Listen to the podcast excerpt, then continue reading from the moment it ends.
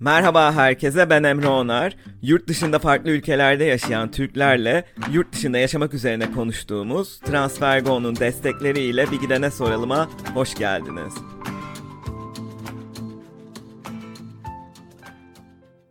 Transfergo uygun kur ve düşük gönderim ücretiyle çok hızlı hatta aynı gün içinde uluslararası para transferi yapabileceğiniz bir mobil uygulama. Üstelik TransferGo'yu kullanmaya başlayan her arkadaşınız için 22 euro ödül kazanabilirsiniz. Evet, podcast'te 75. bölüme geldik ve yine özel bir konuğum var, Sibel Tüzün. Yıllarca şarkılarını severek dinlediğim bir konuğumun karşımda olmasının heyecanı var üzerimde şu anda. Bilmiyorum herkes biliyor mudur ama Sibel Hanım bir senedir Londra'da yaşıyor ve şarkıcılığın yanı sıra ses ve nefes eğitimleriyle müzikal tiyatro dersleri veriyor ve belki de bilmediğim başka yönleri de vardır. Kendisiyle hem bu eğitimlerinde konuşacağız hem de onun gözünden Londra'da hayatı konuşacağız bugün. Merhaba Sibel Hanım, hoş geldiniz. Bir gidene sorulma katıldığınız için çok teşekkürler. Merhaba. Rica ederim. Ben teşekkür ederim beni davet ettiğin için. Ya çok da sevdiğim bir arkadaşımız aslında vesile olmuş. Cem Deniz Şahin senin podcastlerine katılmış. Cem Avustralya'da yaşıyor. Yani diyebilirim ki onu neredeyse hani kendi elimle ben Avustralya'ya uğurladım. Cem benim çok eski yani fan kulübümden. Yani o küçücüktü benim fan kulübümdeydi.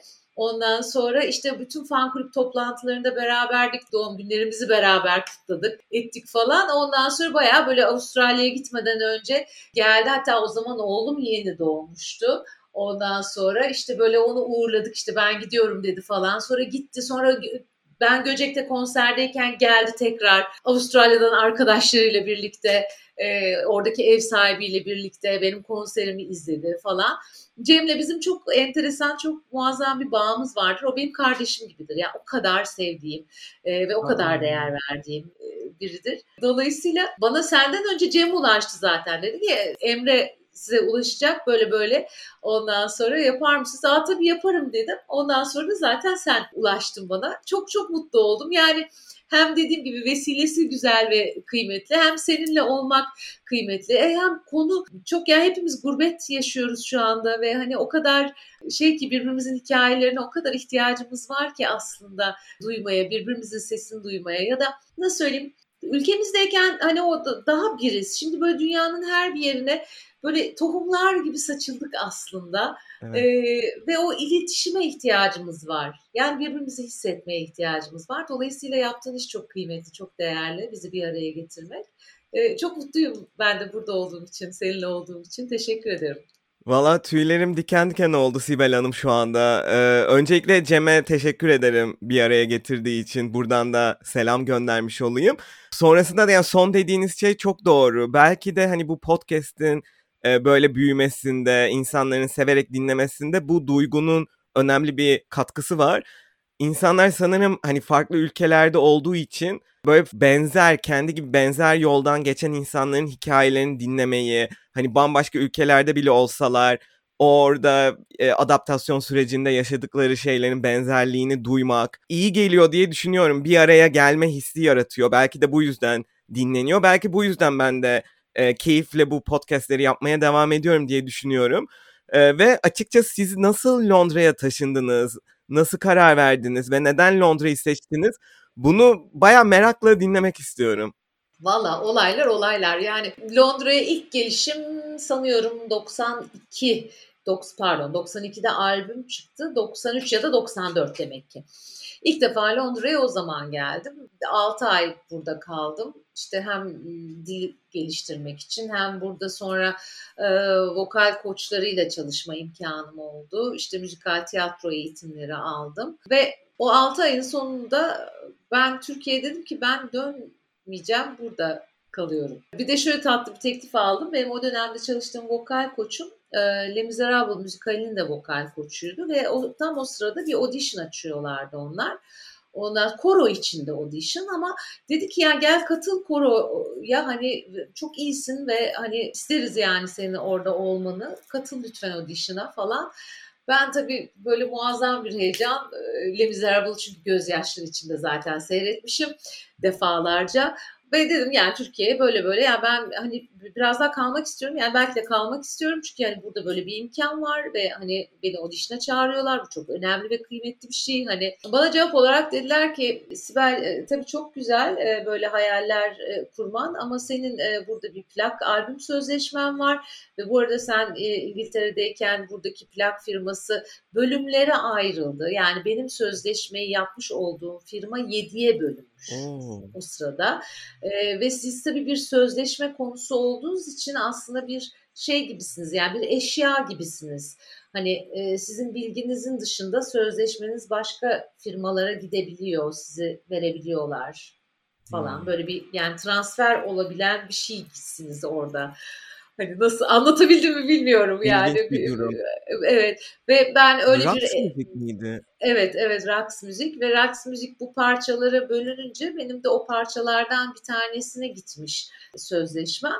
Ve yani hemen buraya gelip albüm yapman gerekiyor. Yoksa işte o zaman parasıyla böyle 500 bin dolar mı ne e, cezai şartı olan falan bir şey. Ve ya ben böyle gözyaşları içinde Türkiye'ye döndüm. Benim İngiltere ile ilk tanışma durumum böyle oldu. Yani beni çok güzel karşıladı İngiltere, Londra.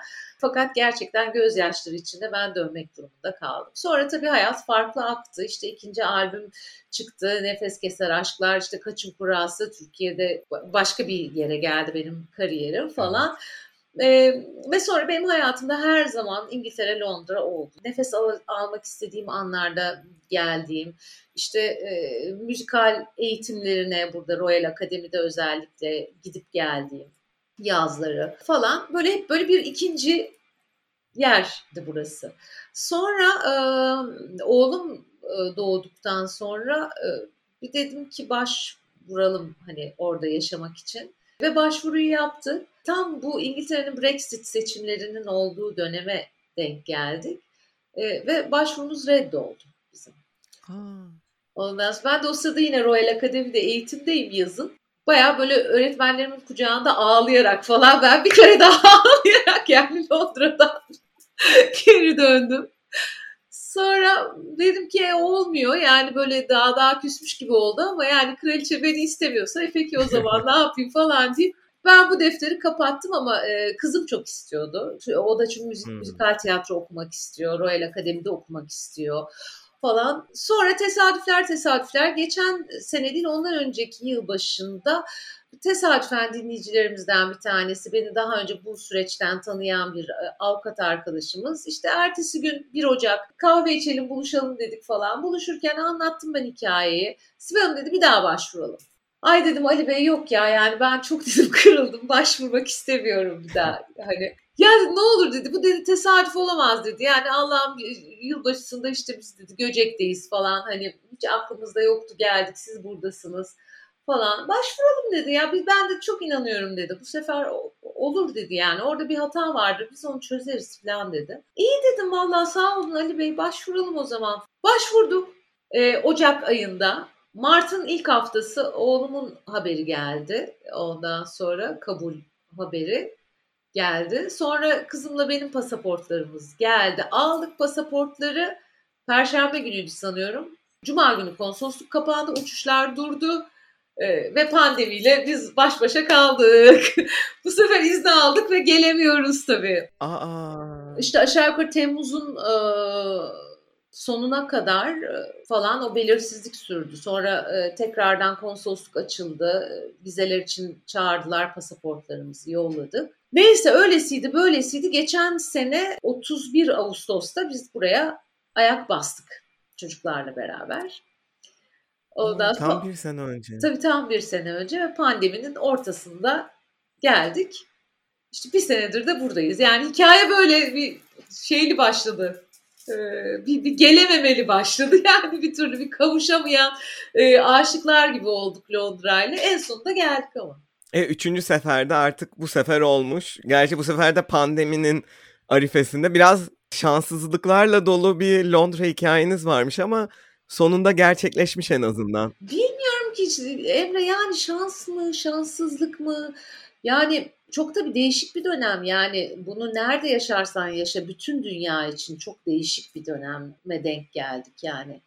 E, hepimiz farklı hikayeler içindeyiz ve alışmadığımız, bilmediğimiz yerden geldi yani bu, eve kapanma, hiçbir şey yapamama, işte e, hepimizin çoğumuzun daha doğrusu mesleklerinden, işinden uzaklaşması, işte hiç bilmediğimiz bir şey yaşıyoruz şu anda. Hala daha yaşıyoruz, içindeyiz yani hala daha. Evet. Dolayısıyla şans mı şanssızlık mı bilmiyorum.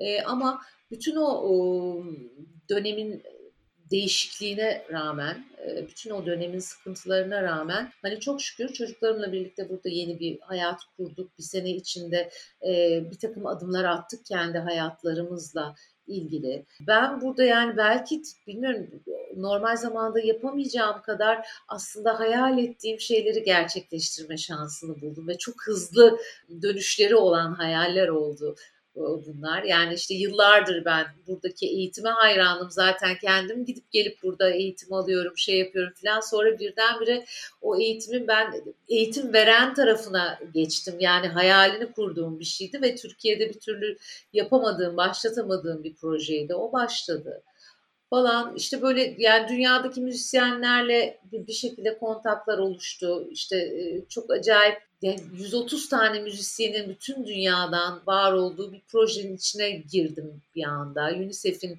e, UNICEF için yapılan e, bir uluslararası proje falan böyle yani değişik değişik şeyler getirdi bana. Dolayısıyla şanssızlık dersem haksızlık etmiş olurum. Ama iyisiyle kötüsüyle verimli bir sene geçti. Yani dönüp arkama baktığımda hem kendim hem çocuklarım adına bir sürü şey başarmışız bu bir senede. E, hayırlısı bakalım. Bundan sonrası da güzel, keyifle aksın, sağlıkla aksın inşallah. Evet görüyorum çok fazla şey yapıyorsunuz aslında Londra'da ve e, aslında konuklarımla hep konuştuğumuz noktalardan biri de ilk 6 ayı özellikle göçmenliğin adaptasyon süreci gibi geçtiği. Pandemi döneminde bu aslında tahmin ediyorum daha da uzuyordur. Çünkü hepimiz için dediğiniz gibi çok zorlu bir süreç. Ve buna rağmen işte bir seneyi tamamladınız.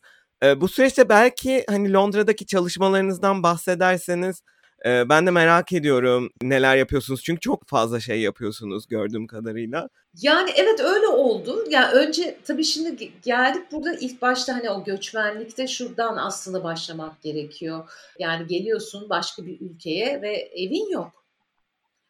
Yani başka bir ülkeye geliyorsun ve o ülkede varlığın yok. Yani şöyle varlığın yok. Kimse senin varlığını kabul etmiyor. Yani sana burada oturma ve yaşama ve çalışma izni veriyorlar ama yani banka hesabı açmak burada mesela çok korkunç bir süreç.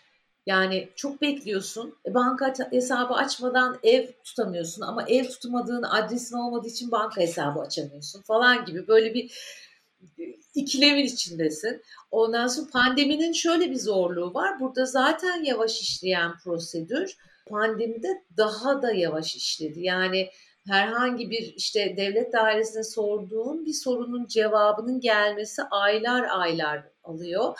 Ben yine çok şanslıydım ki yani o banka işlerim çabuk halloldu ama yani burada benimle birlikte gelen arkadaşlarımdan ya da başka işte dostlarımın hikayelerinden duyduğum kadarıyla hem kişisel hesapları açmak çok zor hem şirket hesapları açmak çok zor. Ben açtım mesela benden sonra başvuranlar açamadı. Niye? E, pandemi dolayısıyla şirket hesabı açmıyoruz dediler. Ya nasıl olabilir bu insanlara izin verilmiş sen git İngiltere'de şirket kur diye. Ama bankalar o sırada diyorlar ki yani biz tam performans zaten çalışamıyoruz. Kusura bakmayın şirket hesaplarını dondurduk açamıyoruz diye insanlar aylarca hesap açamadılar burada falan. Biz çok şükür onları geçtik. Ev bulamayanlar çok oldu. Yani pandemide çünkü kimse yerinden de çıkmıyor. Yani Airbnb'ler kapalı, oteller doğru düzgün çalışmıyor falan. Ya burada hani bir arkadaşınızın evine gidip kalamazsınız o, o dönemde pandemide. Yani kimse kimseye gidemiyor zaten falan. Onlar çok tuhaftı mesela. Çok şükür onları da biz kolaylıkla aşabildik. Yani orada tamamen şansımız yaver gitti. E, okullar öyle okullara yazıyorsun. Oho bekliyorsun yani aylarca hani cevap gelsin, yer açılacak mı falan diye. Onlar böyle bir değişik bir süreçti. Hani bütün bunlar çözüldükten sonra çocukların okulları belli olduktan ve başladıktan sonra ancak işine dönebiliyorsun. O zaman böyle elini koyuyorsun çenenin altına Ve diyorsun ki ne yapacağız? Peki evet şimdi hayat başladı burada. Hani evdir odur budur filan bunları hallettik çözdük. Şirketi kurduk. Okey. Benim tabii iş planımda buraya gelirken canlı performanslar var. Konserler vereceğim. Yani hem İngiltere'de vereceğim hem Türkiye'de gelip vereceğim. Hem tabii İngiltere'de olmanın verdiği akses, e, erişim kolaylığıyla işte de Almanya'da, Belçika'da, Dubai'de falan hani İspanya'da konserler vereceğiz. Hani şeyimiz o, amacımız o. Zaten dünya müzik piyasasına girmek istiyoruz buradan. E, müzikal tiyatro geçmişim var, eğitimim var. E, onu artık sahneye burada çevirmek istiyorum. Zaten daha önce burada bir sahne deneyimim oldu müzikal tiyatroda ve oradan devam etmek istiyorum. Dolayısıyla auditionlara gireceğim, şey yapacağım falan. E, geldik burada sahne yapamıyorsun. Her yer kapalı. E, müzikal tiyatro gibi bir şansın yok. Müzikal tiyatrolar kapalı zaten. E, yani restoranlar hmm. kapalı. Hani her şey kapalı. Yani benim iş planımda yapmak istediğim her şey kapalı. Evet Londra'da hayat durmuştu bir de kışın. Tabii tabii. Bayağı yok yani hani ya sokakta çocuğunu oynatıyorsun. Evet. Açık havadasın. İnsanlar böyle ay distance distance diye böyle hani çocuklar bir arada oynayamıyor falan. Yani e, hani oryantasyon sürecini geçtik ama gerçekten yani Çınar bir ara çok üzüldü. Yani ben kimseyle hiçbir arkadaşım yok benim oynayamıyorum kimseyle diye 8 yaşında yani çok haklı dünya onun için oyunla dönüyor o sırada falan. Böyle bir hepimiz bir şey oldu.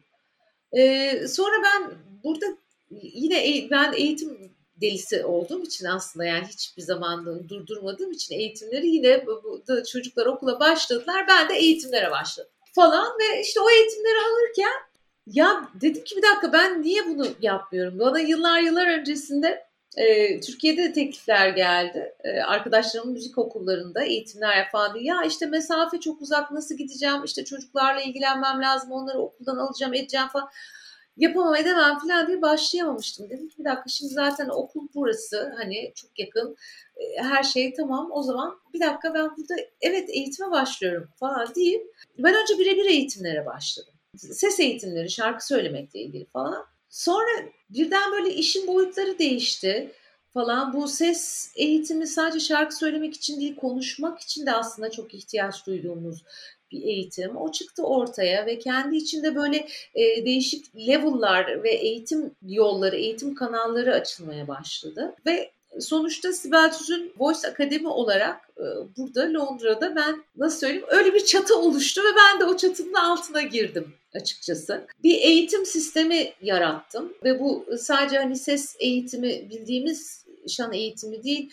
Bugün dünyada aslında birçok okulda da uygulanan şanla birlikte yani vokal eğitimiyle birlikte nefes eğitimi, aslında beden duruşu eğitimi, e, işte Alexander teknik dediğimiz ya da yogadan gelen e, yoganın etkilerini taşıyan eğitimlerle bir sahne sanatları ve bir aslında duruş bir hepimiz şu anda hayatımızı konuşarak yaşıyoruz aslında. Yani bu ekranlarda konuşuyoruz ya da işte e, canlı yapabildiğimiz toplantılarda konuşuyoruz. Kendimizi ifade etme şeklimiz aslında e, şu anda çok belirleyici hayatımızda ve dolayısıyla bu ses eğitimleri de biraz oraya doğru döndü. Yani ben kendimi nasıl ifade edebilirim? Buradan tabii geriye dönersem ben kendimi nasıl hissediyorum? Benim sesim nerede? Benim nefesim nasıl? Yani ben nasıl nefes alıyorum ya da nasıl konuşuyorum? Buradan başlayıp şarkı söylemeye kadar giden bir e, bir yolculuk oluştu aslında. E, bu yolculuğun grup eğitimleri oluştu. Dünyanın her yerinden 80 öğrenciye ders verdim ben 10 hafta boyunca ve muazzamdı. Hmm. Yani Gü- Güney Afrika'dan, Avustralya'dan, e, Kore'den, Amerika'dan, Litvanya'dan, dünyanın her bir köşesinden yani inanılmaz bir renklilikti. Böyle açıyordum Zoom'u e, papatya tarlası gibiydi yani çiçekler çiçekler çiçekler şeklinde çok muazzam. 80 öğrenci inanılmaz bir enerjiydi. Çok güzel. İşte sonrasında çocuk korosunu getirdi o 23 Nisan çocuk korosu kurdum. O da yine dünyanın her yerinden çocuklarımızın birleşebilmesi için bir, bir arada hissedebilmeleri için kendilerini. İşte şimdi önümüzde 29 Ekim'imiz var onu kutlayacağız koro olarak. Ee, online tabii konserler verebiliyoruz. Şimdi onların organizasyonunu yapıyorum. Çeşitli böyle tatlı güzel kurumların çatıları altında online konserler yapabilmek çocuklarla birlikte. O başladı. Eğitimler çeşitli şekillerde devam ediyor. Yani ben birebir eğitim yapıyorum. İşte bazıları ses eğitimi, şarkıcılıkla ilgili, bazıları dediğin gibi müzikal tiyatro eğitimleri, bazıları tamamen konuşmayla ilgili business e, insanlarına yönelik. Onların vakitleri de çok kıymetli. Dolayısıyla böyle yarım saatlik çok böyle kısa e, tam nokta atış eğitimler yapıyorum onlarda. Böyle böyle böyle böyle çeşitlendi ve yani ben işin içine girdikçe daha derinleşmeye başladım. İşte burada ben farklı eğitimler alıyorum. Ee, üniversite eğitimlerime devam edeceğim falan. Böyle çok çok tatlı bir yolculuk gidiyor yani şu anda ee, sesimizle ilgili. Ve çok mutluyum o keşiflerimden, öğrencilerimden. Şimdi seninle konuşmadan önce de dersim vardı mesela. Bu ekranların içinden birbirimize sarılıyoruz onlarla. Evet, aslında bir yandan pandemi birçok şeyi kısıtlarken mesela siz aslında şarkıcılık kariyerinize devam etmek için gelmişken İngiltere'ye başka fırsatlar da başka kapılar da açmış oldu. Yani aslında hayatımıza belki getirisi de oldu. Deniz gibi bu ekranlardan birbirimizle iletişim kurmayı öğrendik. Ve bu şekilde belki ileride yine yapardınız ama belki o kafanızda olmayan hani planları öne çekmiş oldunuz bu şekilde. Çok da güzel geliyor kulağa e, anladığım kadarıyla daha da büyüyecek. Daha bir senede bu noktalara geldiyse o eminim e, katlanarak artacaktır ilerledikçe. İngiltere'deki bu çalışmalarınızda sizi şimdiye kadar şaşırtan bir şeyler oldu mu? Mesela ne bileyim bazı şeyleri gerçekleştirmek Türkiye'ye göre daha mı kolay sizce? Yoksa e, bu tür şirket kurma aşamalarında ya da bu dersleri verme aşamasında Türkiye mi daha kolay bazı şeyleri hani prosedürel olarak yürütmek? Bilmiyorum ya da öğrencilerle iletişim. Tabii bunu Türkiye'de yapmadığınız için e, kıyaslamanız nasıl olur bilmiyorum ama böyle herhangi bir gözleminiz var mı diye merak ettim. Yani genel olarak tabii burası e, insanı şey olarak şaşırtıyor. Mesela ben hayatımda bu kadar çok mektup almamıştım herhalde. Oo. Yani her şey evrak, evrak, evrak, evrak, evrak. O evraklar şey e, mektup derken resmi dairelerden bahsediyorum yani. Hani sürekli bir evrak gidiyor, bir evrak geliyor, bir evrak gidiyor, bir evrak geliyor falan. Bu yani ilk bir sene için böyle olduğunu düşünmek istiyorum. Bilmiyorum hayatın sonrası da böyle. E, Yok hep böyle. E, hep böyle?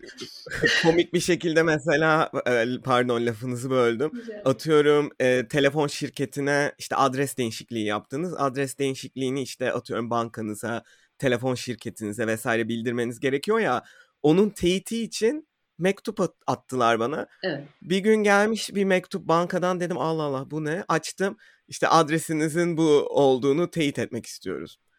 Çok enteresan. Türkiye'de olsa e-mail atarlar.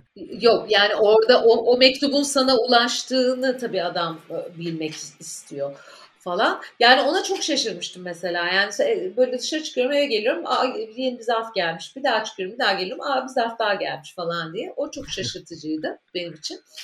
Onun dışında evet çok prosedür var ve yani gerçekten sürekli bir şeyler okuyorsun. Yani e, sadece iş hayatıyla ilgili değil yani çocukların okullarından gelen mailleri okumaktan ben bir ara kilittim iş yapamıyordum sürekli her konuda bir bilgilendirme geliyor falan. Biz de bilmiyorum belki ana dilimiz diye belki sistem içindeyiz alıştık diye bu kadar mail gelmiyordu herhalde. Bu kadar bilgilendirme Yok. gelmiyordu. Yani şimdi her konuda ya ama öyleler mesela yani burada diyelim ki bir tane ağaç kesilecek parkta.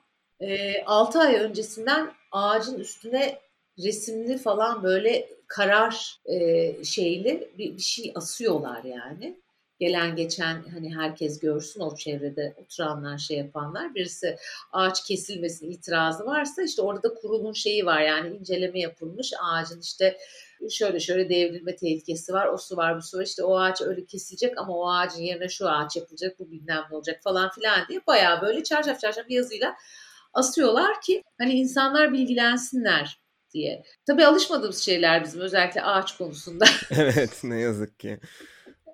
Maalesef. Yani o onlar e, evet hayatın o şeyleri e, farklı. İşle ilgili yani online burada olmak tabii yani sistem çok oturmuş online sistemi. Yani ben burada çok rahat e, şirketimi hani online tarafa adapte edebildim. İşte web sitesidir, bütün satış kanalıdır, satış ve pazarlama kanalı falan. Onların hepsini burada ben kendim yapabildim.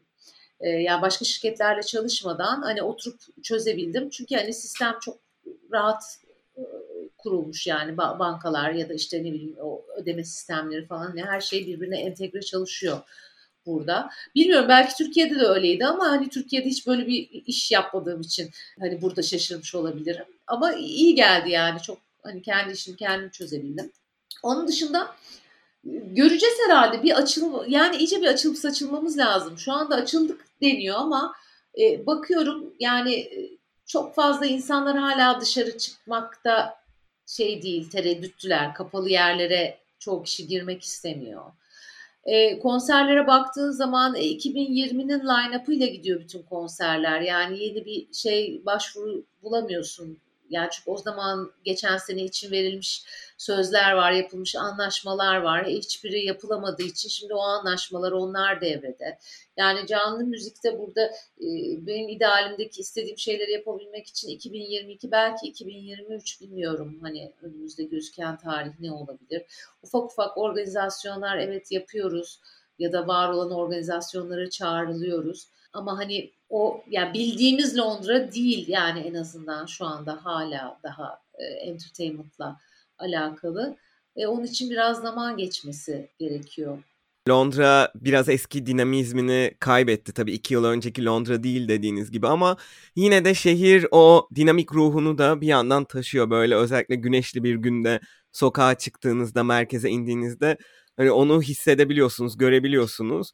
E, ve farklı fırsatlara da açık bir şehir. Konuştuğumuz konulardan biri bu Londra ile alakalı. Londra'dan olan konuklarımla. Tabii büyük bir şehir olmasının verdiği bir e, şey de var. Her tarz insan var. Her her background'dan insan var. Dolu dolu bir şehir. Tabii pandemiden dolayı %100 deneyimleme fırsatınız olmadı ama Londra'da hayatın sevdiğiniz yanları ya da genel olarak İngiltere'de hayatın sevdiğiniz yanları ya da avantajları neler? Hem siz için belki çocuklarınız açısından da olabilir. Valla park park park park bir kere yani. Bu parklara ben bayılıyorum, bayılıyorum, bayılıyorum. Yani asla eve girmek istemiyorum. Parklarda yaşamak istiyorum sürekli. hani e, hani hava da yani bir, biraz daha buranın havası şey olsaymış e, güneşli falan olsaymış zaten Allah yani baya e, o park hikayesi çok hoşuma gidiyor. Thames Nehri'nin kenarında yaşıyorum. O nehir e, çok hoşuma gidiyor. Nehrin içinde olmak. Yani ve ben oraya sahil diyorum. Sahile iniyorum diyorum. Hani sanki deniz kenarıymış gibi hissettiriyor. E, onun dışında dediğin gibi yani tabii şey var. Çok kozmopolit ve çok cesur bir şehir burası. Yani olasılıklar da çok, işte insanların hayal güçleri de yıpranmamış, e, cesaretleri var hayata karşı. O çok çok iyi hissettiriyor. Yani hani bu, sokakta görüyorsun onu. insanların saçında, başında görüyorsun. Kıyafetlerinde görüyorsun. Makyajında görebiliyorsun onu. Yani o özgüven ve o şey yani ben diyebilmek kendi kimliğine sahip olabilmek, kendi tercihini yaşıyor olabilmek, bunun özgürlüğü bu şehrin tabii çok içine e, işlemiş. Dolayısıyla bir sürü şey değişse bile yani Londra'da o ruh asla değişmiyor ve yani ben hem kendi adıma hem çocuklarımın yani o ruh hissetmeleri, o, o havayı soluyor olmaları çok güzel. İşin şey kısmında tabii müzikal kısmında bu beni nasıl etkileyecek o da benim böyle kendi içimde merakla beklediğim bir süreç. Yani buradaki yaratma kısmı nasıl olacak acaba? Hani ne getirecek bana o ilham? Bilmiyorum. Yani tesadüf mü bilmiyorum. Bugün e, bir müzisyen arkadaşımla hatta bir Zoom toplantısı yaptık. Dedim ki ben başlamak istiyorum bir şeylere hani ufak ufak. İşte şimdi ona yollayacağım bir üzerinde önce bir konuşacağız. Hani ne hissettiriyor, ne yapabiliriz falan diye. Sonra buradaki müzisyenlerle bir arada bir şeyler yapmak falan. Yani ne çıkacak bilmiyorum gerçekten. Buradaki o aurayla bir yemek yapıyorsun, yapacaksın hani yaratıcı biri olarak. Bilmiyorum çok heyecan veriyor. Ama yani renkleriyle o insanı sarmalamasıyla falan o şey.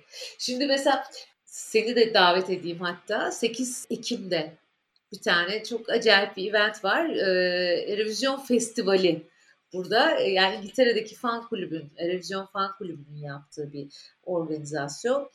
İşte çok eski bir e, müzik holde çıkacağım ondan sonra ve işte 4-5 şarkı paylaşacağım ama bana kalsa böyle bir buçuk iki saatlik konser gibi yani şu anda o kadar özlemiş vaziyetteyim ki ben onu hani hiç öyle 20 dakikası 25 dakikası falan değil. Böyle hani diyorum ki bayağı hani onlar dursunlar ben üstlerine stage dive yapayım hani dalayım üstlerine atlayayım falan. Öyle bir kavuşma olsun istiyorum. Çok özledim sahne yapmayı.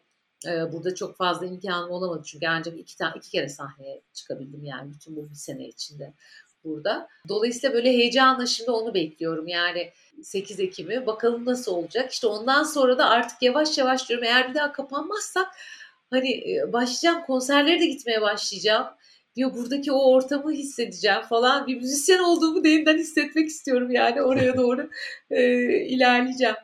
Sen de gel de buraya beraber gezeriz. Vallahi çok güzel olur.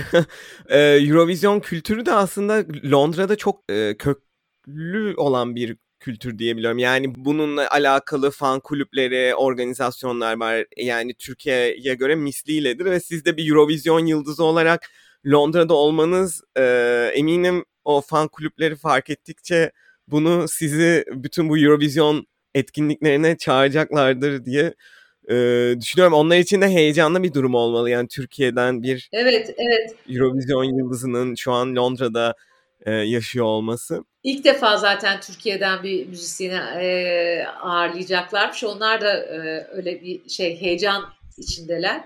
Böyle yani mutlu bir tesadüf oldu. E, demin bu arada Londra'da hayatın avantajlarından bahsederken çok güzel bir cümle kurdunuz. İnsanların hayal güçlerinin e, törpülenmediğini görüyorum burada dediniz. Doğru ifade ettiysem ben de tekrardan. E, bu çok güzel bir aslında analiz. Gerçekten siz deyince ben de aa evet hakikaten böyle diye düşündüm. E, ve şeyi de merak ettim. Sizin için mesela dışında yaşamak, bir nevi tırnak içinde gurbette olmak hissi neler kattı? Ya da yurt dışında yaşamak hakkında genel olarak ne düşünüyorsunuz? Yani İngiltere'de dostlarımızdan çok destek aldık ve bizden önce buraya gelen Türk ailelerden çok çok destek aldık. Çok o kadar kıymetli insanlar girdi ki hayatımıza. Hem benim hem çocuklarımın çok mutluyum açıkçası. Onun dışında gurbet tabii eskiden şey vardı biliyorum arkadaşlarımdan çok yaşardım işte simit çok özledik falan derlerdi mesela. Şimdi çok şükür yani biz burada hiç onların eksiğini hissetmiyoruz. E, simit desen hemen burada markette var. İşte beyaz peynir desen burada markette var. Ondan sonra işte asma yaprağı bilmem ne falan filan her şeyimiz var Allah'a şükür yani.